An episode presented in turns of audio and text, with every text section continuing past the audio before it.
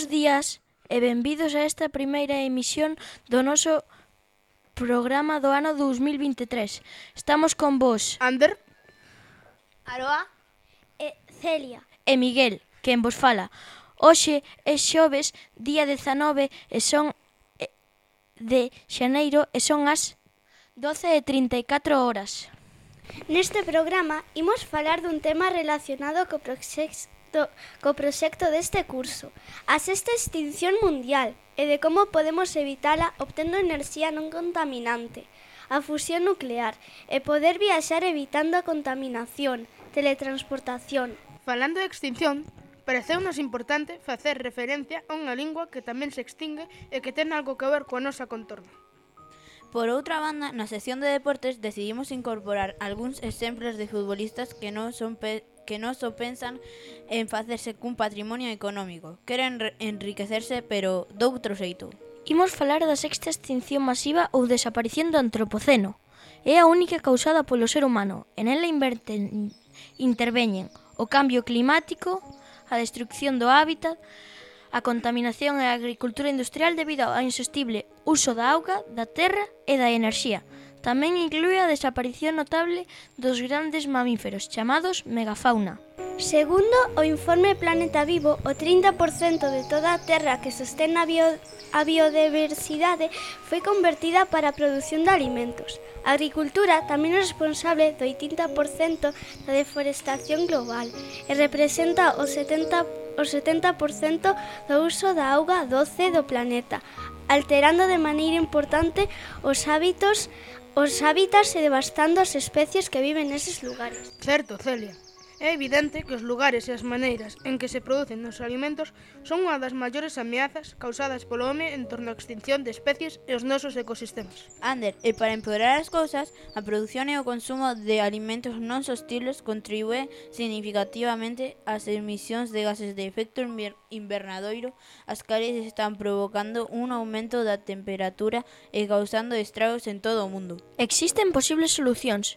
Establecer reservas naturais en cada ecosistema, reducir as emisións de carbono ou aumentar a cobertura forestal, deixar de queimar combustibles fósiles, combate o tráfico ilegal da vida silvestre, reconectar co mundo natural e abrir os ollos. Con respecto ao que apuntabas, Celia, de reducir as emisións de carbono, non é nada fácil, pois non todos estaremos dispostos a renunciar á vida de benestar que temos e deixar, por exemplo, de empregar as nosas tablets e, ou ordenadores para que as emisións sexan menos.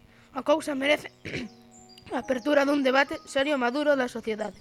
Suscribo todo o que di Sander, pero apuntemos que recentemente se fala da enerxía nuclear como a fusión, Sería a reacción nuclear na que dous núcleos de átomos lixeiros en xeral, o hidróxeno e os, seu, e os seus isótopos, deuterio e tritio, se unen para formar outro núcleo máis pesado liberando grandes cantidades de enerxía e sen provocar gases de efecto invernadoiro, nin elementos radiactivos.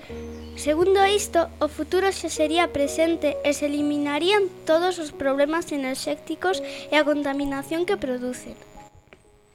Qué boa noticia, Celia. Se isto é así, todo, e eh, todos os países industrializados investisen neste tema como cando foi o, o da pandemia da COVID, en, en non moitos anos poderemos estar a falar dun horizonte medioambiental moi diferente ao actual. Outro campo de investigación no que se está a traballar é o da teletransportación. Este é o proceso de mover o obxectos ou partículas dun lugar a outro instantaneamente. Imaginade que estamos todos na clase e de repente as vosas mestras ou mestres pos levan de excursión a París, oh. simplemente dándolle a un botón. Oh. oh. Pero en que consiste? É posible isto? Para mover materia dun lugar a outro, hai que analizar a súa estrutura atómica, destruílo e logo enviar información por radio a un lugar afastado. Entón, hai esperanza para evitar... Por agora este... é tan difícil de levar a cabo que primeiro hai que analizar toda a información das nosas células. Nunha persoa adulta hai aproximadamente 30 billóns. Esta información debe conter a posición, o momento e o xiro de cada unha destas partículas e logo debe reconstruirse a distancia coas mesmas partículas. A teletransportación cuántica abre esta porta cara ao futuro. Se combinamos esta noticia co anterior da obtención de enerxía limpa, a verdade é que as películas de ciencia ficción que vían as nosas nais e pais parece que están a chamar na porta. Debemoslle todo isto a Albert Einstein e aos seus colegas Boris Podolsky e Nathan Rosen. Entón hai esperanza para evitar a extinción? Sempre hai. A ver que fan os nosos gobernantes. Falando de extinción, e como xa dixemos ao inicio do noso programa, un que corre perigro de extinción é a nosa lingua, si o galego. Fai dez anos, o Instituto Galego de Estatística publicou os datos o 43% da poboación galega era monolingüe en galego. O idioma levaba xa anos perdendo usuarios, pero esta tendencia quedará estancada dende había un tempo. Unha nova enquisa do INE difundía esta semana que complementa a actualización do censo do 2021 Racha con todo aquilo e sitúa xa o galego por debaixo do castelán en número de falantes con unha diferencia de 25.000 persoas. E o panorama é aínda peor.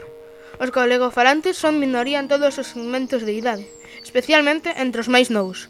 Hai 231.757 menores de 20 anos que se expresan a diario en castelán, fronte aos 64.265 que o fan en galego. Algo máis de 76.193 empregan ámbolos idiomas indistintamente, é dicir, compre multiplicar por 4 o número de galegofalantes para igualar os de castelán. Ademais, a, animamos a todos os, gale, os galegos que faredes o vosso idioma, porque polo que se loitou polo noso idioma non podemos abandonalo. Sabedes o que sucedeu?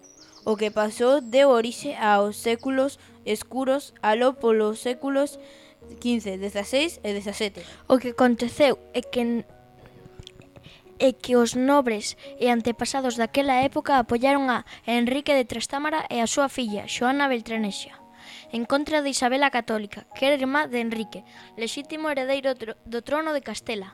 Ao perder nesta guerra polo poder, a nobreza galega foi aniquilada, quedando pois o galego relegado a ser falado polo povo e os nobres que nos gobernaban eran xente traída de fora polos reis católicos e que falaban castelán.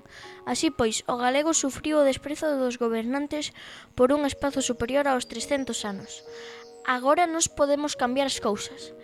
Se sodes da resistencia, falade galego! No que vai de programa, imos vendo como a acción humana afecta a nosa contorna. Pasamos agora a ver como esas accións non sempre teñen que ser as mesmas e as cousas se poden facer de outro xeito. Por tanto, os cambios non teñen por que ser negativos. Pódese cambiar en positivo. Non temos por que facer todos o mesmo. Como xa sabedes, o fútbol atrae moitos cartos e, polo tanto, os xogadores adoitan ter moito diñeiro e nós queremos falar dos catro xogadores máis humildes.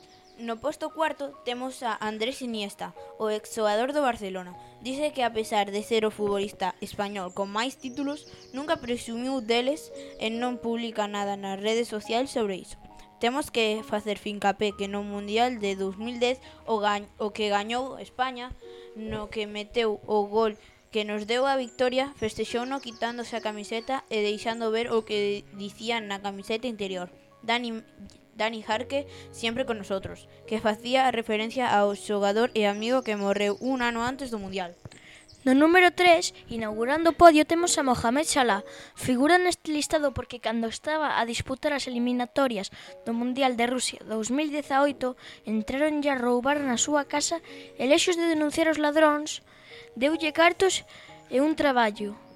Tamén gastou 450.000 dólares para doar 202.343 hectáreas de terreo para construir fincas nas que poideran vivir os pobres. No número 2 temos a German Defoe. Este xogador gañouse a fama de ser humilde por pagar o tratamento de nenos con cancro. E no primeiro posto está Sadio Mané, que construiu escolas e hospitais no seu pobo natal. Tamén cumpriu o soño do seu chofer de ser futbolista e, por último, dixo que disfruta gastando dinheiro en axudar aos necesitados. Xa chegamos ao momento máis esperado do noso programa, a gañadora ou gañador do noso concurso do derradeiro programa do ano pasado e... Vera de segundo!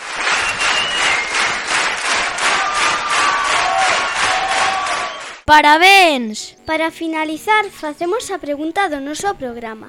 Cantos somos os compañeiros de quinto que estamos detrás dos micros neste programa? Repetimos, cantos somos os compañeiros de quinto que estamos detrás dos micros deste programa? Sé felices e ata a semana que ven!